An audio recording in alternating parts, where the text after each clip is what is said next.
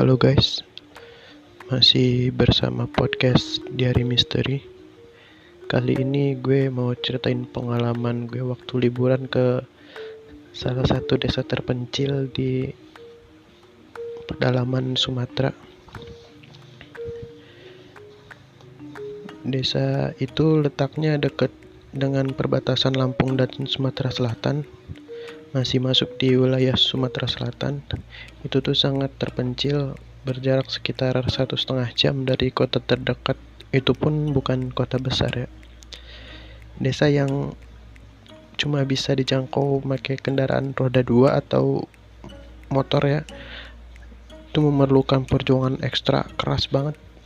Kalau maksa pakai roda empat bisa sih tapi tapi susah dengan keadaan yang kayak gitu jadinya gue harus ngerahin fisik dan tenaga dari awal ngincekin kaki di sini.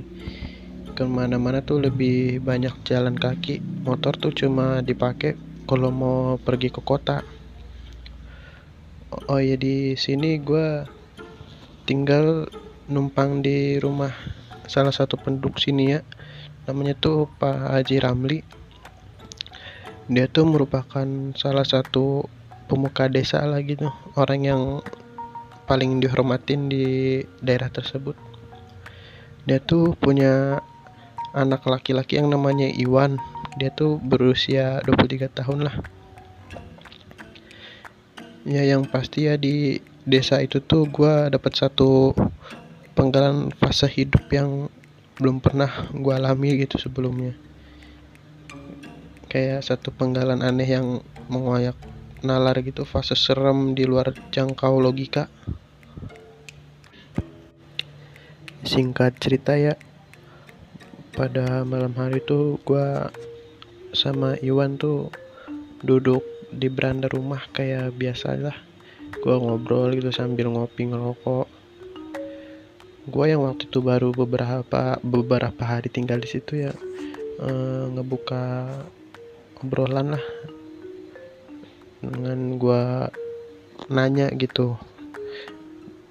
Perkara beberapa hal yang gue denger dari warga-warga sekitar situ ya yang gak sengaja aja gitu gue denger. Waktu gue lagi keliling-keliling kampung di situ waktu siang harinya itu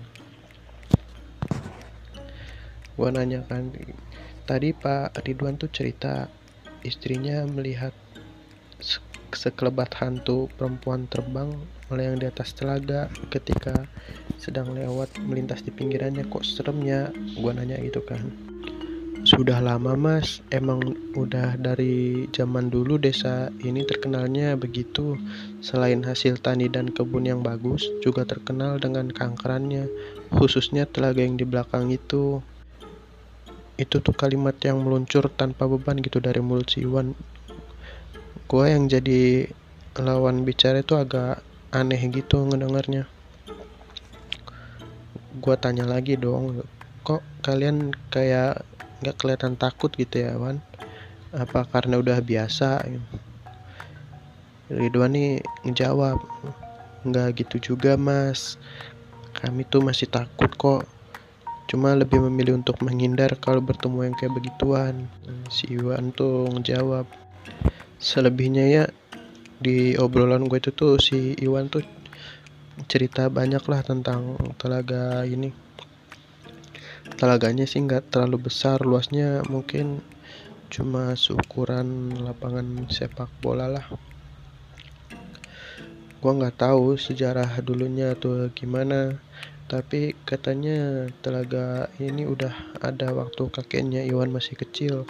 Berarti itu ya udah lama banget lah letaknya tuh agak di pinggiran desa gitu ya. Tapi kalau mau pergi ke sana tuh entah ke desa lain atau keluar kota penduduk penduduk tuh harus ngelewatin telaga. Tapi kalau hari udah mulai gelap sih nggak bakal ada yang berani lewat jalan setapak di pinggirnya itu tuh. Lebih milih jalan agak memutar gitu walaupun ya agak jauh lah jaraknya sama waktu tempuhnya juga. Gue juga udah beberapa kali ngelewatin telaga itu tuh. Ya ngesampingin cerita-cerita serem yang beredar. Gue bisa bilang kalau telaga itu tuh merupakan telaga yang indah lah. Walau nggak terlalu jernih ya tapi airnya cukup bersih pinggir-pinggirannya tuh penuh sama tanaman menjalar amar remputan gitu. Sisi lebih luarnya lagi ada banyak pepohonan yang berdiri ngelilingin gitu. Itu tuh yang bikin suasana jadi teduh biar kata waktu masih siang bolong gitu. Di, di salah satu sudutnya ada deretan kayu gitu yang agak ke tengah gitu arahnya.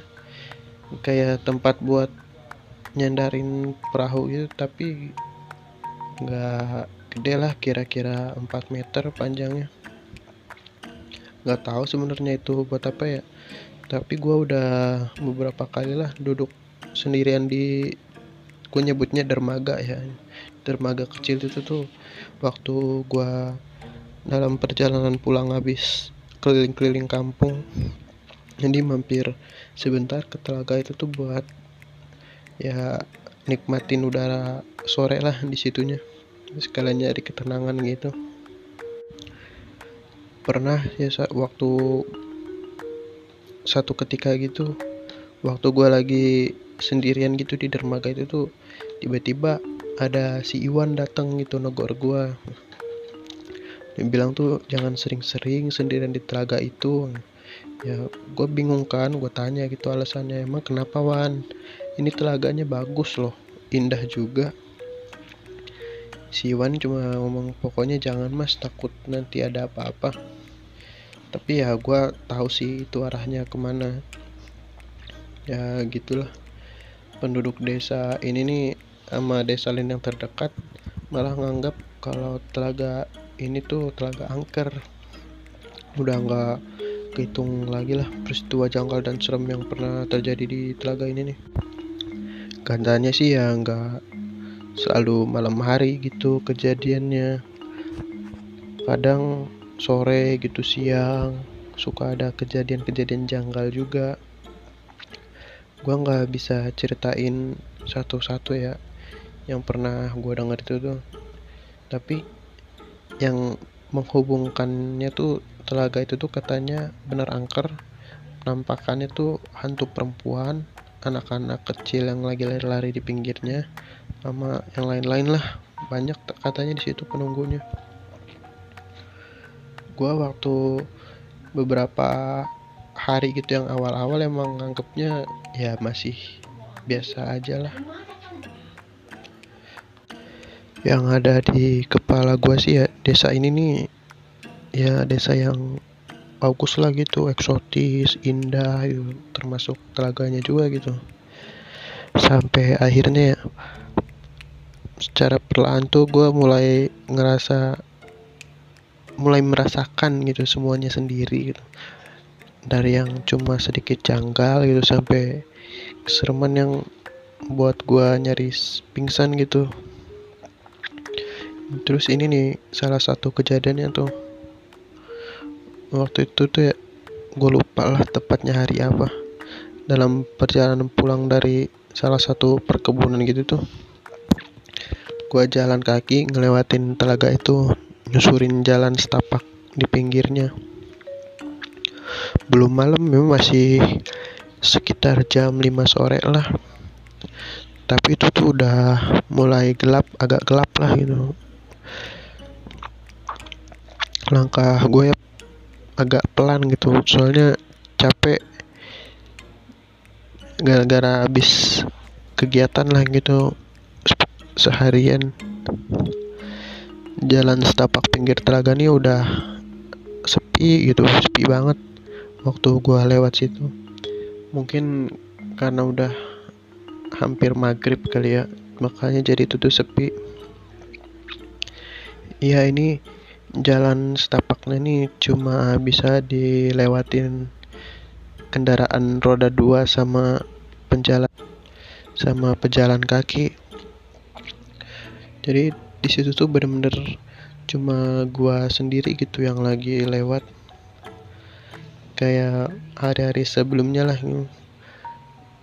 telaga ini nih tenang gitu nyaris nggak ada pergerakan lah di permukaannya cuma sesekali kelihatan gelombang kecil gitu di ituin angin sepoi-sepoi gitu.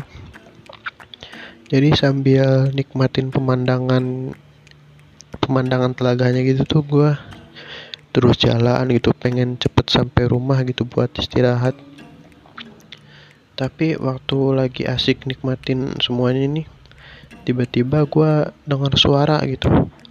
Kayak kayak suara-suara manggil gue gitu suara perempuan gitu kayak Henry gitu, pelan gitu.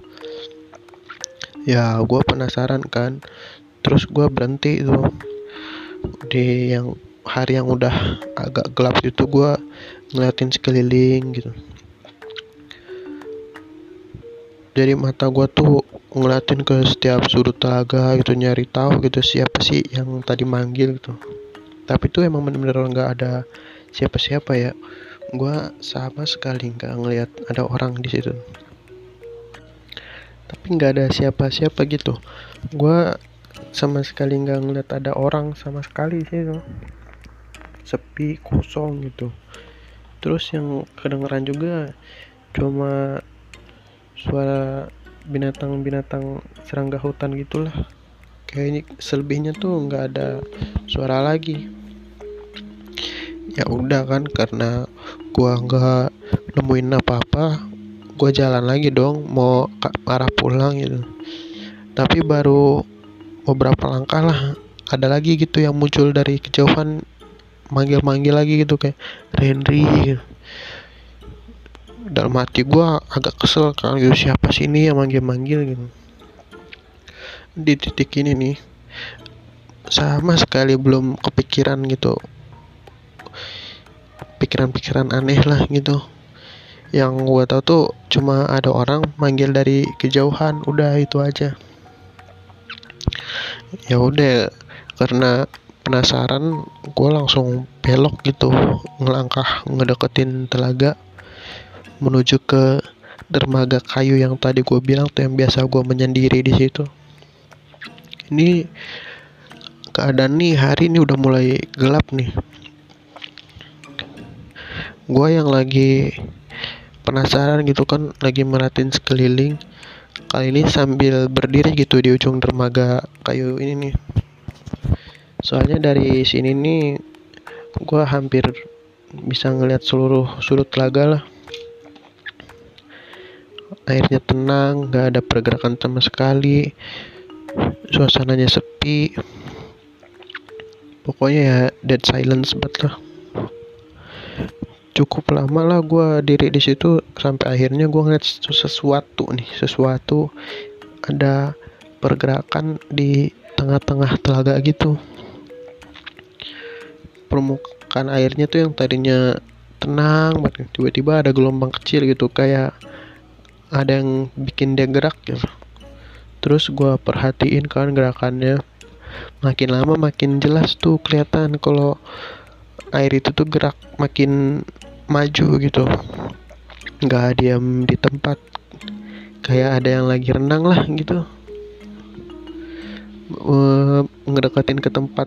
Gue lagi berdiri ini di dermaga ini nih. Gue bingung kan apaan itu? Apa ikan gitu atau ular atau yang lain gitu? Waktu itu gue belum tahu tuh. Gelombang kecil ini nih terus ngedeket gitu makin deket hari juga udah mulai makin gelap bikin gua masih belum juga bisa gitu mastiin hewan apa yang lagi berenang di situ tuh. Padahal jaraknya tuh udah cukup deket ya. Sampai akhirnya gelombang itu tuh kayak melambat gitu terus makin lambat. Terus tuh berhenti cuma beberapa meter lah dari tempat gue berdiri. Karena belum jelas juga ya benda apa itu. Jadi gue tuh kayak berusaha gitu buat fokus memperhatikan menerka-nerka gitu. Terus ya tiba-tiba tuh jantung gue kayak berhenti berhentilah gitu. Nah pas gue ketahan ketika akhirnya tuh gue bisa ngeliat dengan jelas gitu bentuk dari benda misterius yang lagi diem di permukaan itu tuh. Beberapa detik lah lamanya tuh badan gua nggak bisa gerak. Cuma pandangan gua aja yang fokus. Perhatiin objek serem itu tuh. Benda itu tuh nggak taunya tuh ya seonggok kepala. Make dengan rambut hitam panjang itu tergerai ke belakang. Ngambang di permukaan itu. Gua cuma ngeliat kepalanya aja ya nggak ada bagian tubuh lainnya. Wajahnya pucat itu serem datar tanpa ekspresi lah tapi kayak lagi memperhatikan sesuatu gitu. Matanya tuh mati nggak bercahaya. Jadi yang gue lihat dari tadi tuh berenang tuh berenang kedeketin gue tuh ternyata kepala berambut panjang. Setelah beberapa belas detik lah gue ngeliatin hal serem itu tuh akhirnya gue sanggup juga tuh buat ngelangkah mundur gitu menjauh perlahan itu terus gue lari tuh dari telaga itu iya itu tuh salah satu kejanggalan yang gue alamin gitu ya. di desa itu tuh lebih tepatnya di telaga tersebut. Singkat cerita ya nyaris jam 12 tengah malam lah. Gue nih lagi duduk di pos ronda gitu. Pos ronda yang berbentuk rumah panggung yang ukurannya enggak terlalu besar. Mungkin cuma 4 kali 4 meter lah. Jadi maksimal tuh cuma bisa ditempatin oleh 6 sampai 7 orang aja gitu. Pos ronda yang dikelilingin oleh rapatnya pepohonan bambu nih letaknya di pinggir desa. Perbatasan langsung sama hutan bambu dan dan perkebunan lampu templok berukuran besar jadi satu-satunya sumber penerangan. Tapi walaupun begitu cahayanya masih mampu menerangi seisi pos lah. Malam ini nggak ada angin udara nggak bergerak sama sekali. Jadinya sepi banget gitu nggak ada suara dedaunan atau pohon yang bergerak bergoyang. Oh ya gue tuh ngeronda di situ tuh bertiga atau berempat gitulah. Jadi ada satu orang namanya tuh Pak Husni ya yang ikut ngeronda gitu. Jadi dia tuh nanya gimana mas? Betahkan tinggal di kampus kami? Ya gue gue jawab dong betah pak betah. Udah berapa lama di sini ya seminggu dua minggu itu kan tanya Pak Husni ini nih. Gue jawab ah, baru dua minggu kok pak. Saya sih suka suasananya masih sangat asri di sini. Beda banget gitu sama kota besar. Ya ginilah mas. Desa terpencil jauh dari mana-mana itu kata si Iwan kan nambahin. Gue cuma ngangguk-ngangguk aja sambil senyum gitu ternyata tuh nggak kerasa udah ya sekitar dua minggu lah. Nggak dua minggu sih tapi ya hampir lah gitu. Jadi rencana tuh gue ya sebulanan lah tinggal di situ tuh buat liburan. Buat bukan liburan juga sih gue sebenarnya menyendiri itu mau ya menenangkan diri lah malam itu tuh gue sama Iwan kebagian tugas gitu buat siskamling jadi ini sih bukan siskamling pertama gue ya. Pas selama semenjak gue gua ada di desa ini nih. Sebelumnya udah pernah juga gue ikut siskamling ini. Cuma bedanya gitu dengan berbagai alasan. Kali ini cuma gua Iwan sama Pak Husni aja gitu. Yang tugas biasanya ada 5 sampai 6 orangan lah yang bertugas. Tapi ya nggak apa-apa lah. Tugas siskamling di sini ya terbilang mudah lah. Cuma sesekali keliling bawa kentongan sama obor atau lampu senter gitu buat penerangannya. Jadi menurut warga yang udah bertahun-tahun tinggal gitu di sini belum pernah gitu ada kejadian pencurian gitu. Jadi tergolong aman lah tentram sejak lama Mas setengah jam lagi kita keliling ya. Si Iwan ngomong gitu di sela-sela obrolan. Terus gue jawab iya Wan batang dulu ya. Emang sih udah jam 12 tengah malam itu jadi gue harus mulai berkeliling. Desa ini nggak terlalu luas lah. Jalan kaki paling nggak butuh waktu lama gitu kira-kira satu jam lah udah selesai. Ya, sesuai rencana kan gua sama Iwan akhirnya mulai jalan kaki pas setengah satuan lah jam setengah satuan. Ya cuma bawa lampu senter di tangan gua sama obor gitu di tangan Iwan. Gua mulai patroli lah keliling desa. Ada alasan kenapa obor minyak tanah tuh masih digunain buat penerangan penduduk daerah situ. Itu tuh karena minyak tanah lebih murah lah dan lebih mudah didapat juga daripada batu baterai buat lampu senter. Tapi walaupun begitu ya gue masih memilih lampu senter soalnya udah termasuk peralatan yang gue bawa dari Jakarta. Bisa ditebak lah tengah malam kayak gini nih keadaan desa tuh udah sepi banget nggak ada orang sama sekali.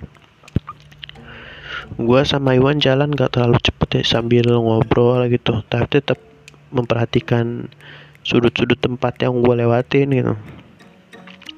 Nggak bisa dipungkiri juga ya suasana malam hari tuh di desa itu tuh agak mencekam lah agak serem. Soalnya dikelilingin hutan gitu sampai perkebunan masih banyak terdengar suara-suara binatang malam juga. Beberapa di antaranya gue nggak tahu itu bunyi binatang apaan.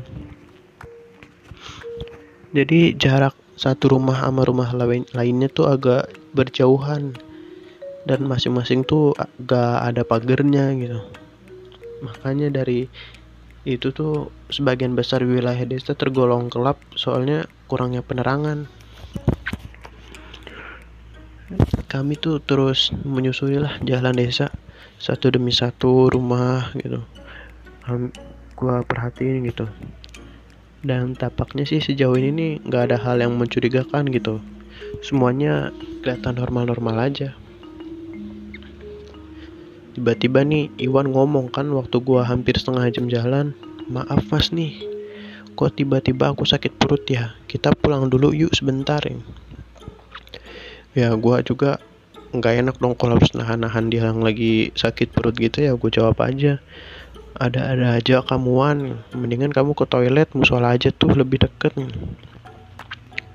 Jadi si Iwan nih ngikutin saran gua gitu dia langsung memilih buat lari kecil gitu ke musola yang jaraknya lebih deket gitu, daripada harus pulang ke rumah. Sementara gua nih nunggu di depan balai desa sekitar 50 meteran lah dari musola. Dari tempat duduk gua nih gua bisa ngeliat kalau Iwan tuh naruh obornya di pagar depan musola. Dari kejauhan tuh kelihatan apinya yang nyala. Sambil nunggu ya gue ngerokok gitu angin malam nih udah mulai berasa gitu berhembus. Dingin ini perlahan tuh udah mulai masuk lah ke sela-sela baju gue tuh dinginnya. Sesekali gue ngelirik gitu ke arah musola gue belum juga ngeliat ada pergerakan gitu. Api obornya masih tetap di tempatnya. Jadi nandain kalau Iwan tuh belum selesai. Ya jadi ngerokok gitu pelan-pelan kan sambil bisa ngangetin badan terus kemudian tuh gue malah ya ngelamun lah gitu ke bawah suasana. Menatap kosong ke depan gitu sampai-sampai lupa memperhatikan musola gitu selama beberapa menit lamanya. Nah pas gue sadar gue langsung ngeliat ke musola. Ternyata obor udah nggak ada di tempat itu lagi tuh udah bergerak berjalan lah. Ya gue pikir si Iwan tuh udah selesai kan tapi kalau gue perhatiin lagi ternyata ada yang aneh. Kelihatan tuh dari cahaya apinya ternyata obornya nggak ngedeket ke arah gue lah. Malah kelihatan ngejauh. Kayaknya tuh si Iwan kayak jalan ke arah berlawanan. Ngeliat itu gue langsung bangun dong dari duduk gue gitu langsung ngejar Iwan. Jarak tuh masih terlalu jauh lah. Cahaya lampu senter belum bisa gitu ngejangkau Iwan. Gue cuma bisa ngecahaya api kecil gitu dari kejauhan sambil ngikutin cahaya tersebut. Yang agak aneh tuh Iwan jalan itu agak cepet ya. Gue jadi harus jalan cepet juga buat ngimbanginnya. Gue nggak berani manggil juga takut nanti suara gue kekencengan gitu sampai ngebangunin warga-warga di situ. Jadi gue milih buat terus ngejar si Iwan aja gue mulai lari kecil gitu buat ngimbangin pergerakan Iwan. Jarak kami tuh jadi agak lebih mendekat lah gara-gara gue lari-lari kecil. Tapi beberapa detik kemudian gue malah memperlambat ya memperlambat langkah. Soalnya tiba-tiba gue nyadarin sesuatu. Jadi tiba-tiba gue sadar kalau ternyata tuh gue tuh malah ngelangkah keluar desa. Jadi ditandain dengan nggak terlihat ada lagi gitu rumah penduduk di sekitaran. Terus ke arah mana gitu gue bergerak melangkah gitu. Ternyata tuh gue ngikutin Iwan nyusurin jalan setapak menuju telaga gitu. Di dalam gelapnya malam gitu kan di tepi hutan. Jadi kami tuh malah berjalan menuju tempat yang dikenal angker gitu telaga tersebut. Gue ya bertanya-tanya gitu kan dalam hati gue nih si Iwan ngapain gitu ke telaga? Sempet terbesit juga gitu pikiran gue buat berhenti ngikut ngikutin si Iwan buat kembali ke desa gitu. Tapi kayak penasaran juga gitu gue. Jadi gue nerusin aja langkah gue ngikutin si Iwan. Enggak beberapa lama gitu ya api obornya tuh akhirnya berhenti gitu nggak gerak lagi. Diem di dia tuh diem tepat gitu di tepi telaga. Jadi dari kejauhan tuh gue ngeliatnya kayak gitu tuh. Gue masih nanya-nanya kan dalam hati ini akhirnya gitu kan si Wan berhenti juga cuma mau ngapain gitu tuh dia di sini? Makin lama ya cahaya api pun makin terang lah gitu kelihatan karena jaraknya makin deket. Ya maka dari itu cahaya lampu senter gue juga perlahan akhirnya bisa ngejangkau Iwan gitu sama obornya tapi waktu gue udah makin deket dan makin dekat lagi gitu tiba-tiba gue berhenti ngelangkah nih. Ketika ya jarak gue tinggal beberapa meter aja lah. Gue tuh akhirnya sadar gitu kalau ternyata itu tuh bukan si Iwan yang dari tadi gue ikutin. Badan gue langsung kaku kalut ketakutan tuh langsung penuh lah di isi kepala gue gue sama sekali nggak kenal gitu sama sosok yang lagi berdiri tepat di tepi telaga nih sambil megang obor. Dia berdiri tuh membelakangi gue gitu ngadep ke tengah telaga. Dari belakang gue ngeliatnya kayak pakai baju terusan lusuh gitu warna gelap. Rambut panjang itu tergerai sampai sebatas pinggang lah. Sosoknya sih kayak perempuan. Gue makin diem kan ketakutan waktu dia mulai ngebalikin tubuhnya perlahan itu jadi jadi dia tuh menghadap ke arah gue tangan gue udah gemeteran gitu tapi masih bisa lah ngarahin cahaya lampu senter nih ke arah sosok menyeramkan ini nih. Sampai akhirnya dia tuh bener-bener udah berdiri gitu dihadap menghadap ke gua. Waktu itulah gua akhirnya tuh bisa ngeliat jelas gitu penampakannya wajahnya pucat tanpa ekspresi. Jadi tuh serem gitu benar-benar serem. Tangannya masih megang obor nyala gitu. Jadi dalam kehinangan keheningan nih perlahan gua yang makin takut gitu ya mulai ngelangkah mundur menjauh. Sementara sosok itu tuh masih diam gitu memperhatikan. Tapi beberapa detik kemudian keadaan yang tadinya sepi gitu kan tiba-tiba tuh berubah gitu. Tiba-tiba dia ngeluarin suara ketawa tertahan gitu. Tapi yang jelas gitu terdengar. Yang lebih mengerikan lagi nih sosok menakutkan ini nih tiba-tiba mulai bergerak maju gitu. Dengan cara melayang mengedeketin ke arah gua. Gua langsung ngebalikin badan kan langsung berusaha lari buat ngejauh. Cuma gak tahu apa sebabnya gitu tenaga gue tuh kayak udah terkuras abis gitu. Gue nggak bisa lari kenceng lagi gitu. Sempet noleh ke belakang juga.